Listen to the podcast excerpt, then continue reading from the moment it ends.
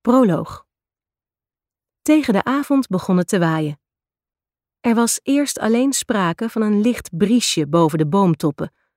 Daarna trok de wind steeds meer aan. Uiteindelijk rukte hij aan alles waar hij grip op kreeg. Over iets meer dan een half uur zou het donker zijn. Op de parkeerplaats bij het landgoed stapte Johannes van zijn fiets en zette die tegen een lantaarnpaal. Hij deed een elastiekje om zijn donkere haar en maakte er een knotje van in de nek.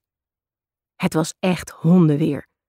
Geen weer waarin een normaal mens naar buiten zou gaan om te gaan hardlopen.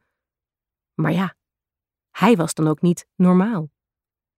Terwijl hij zijn fiets op slot zette, wierp hij een blik op het huisje van Nathalie.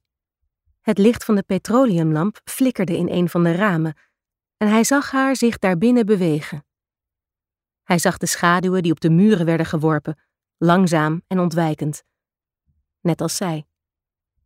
Ze was een paar nachten geleden bij hem blijven slapen, maar toen hij ochtends wakker werd, was ze verdwenen. Het bed was leeg.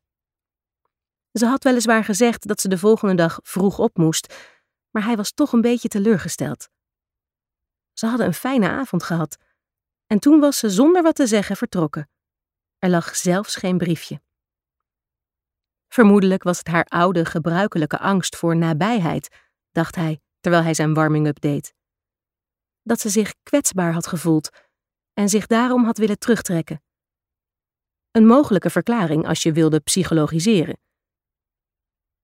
Het was ondertussen harder gaan regenen, en het idee om het hardlopen te laten voor wat het was, werd steeds sterker. Hij was er niet op gekleed, dat wist hij, maar dat was hij vrijwel nooit. Hij was nooit het type geweest dat weerberichten bestudeerde, wat vermoedelijk een reactie was op het feit dat zijn moeder precies het tegenovergestelde was. Die had een apart kledingstuk voor elke graad temperatuurverschil, een set kleren voor elk doel.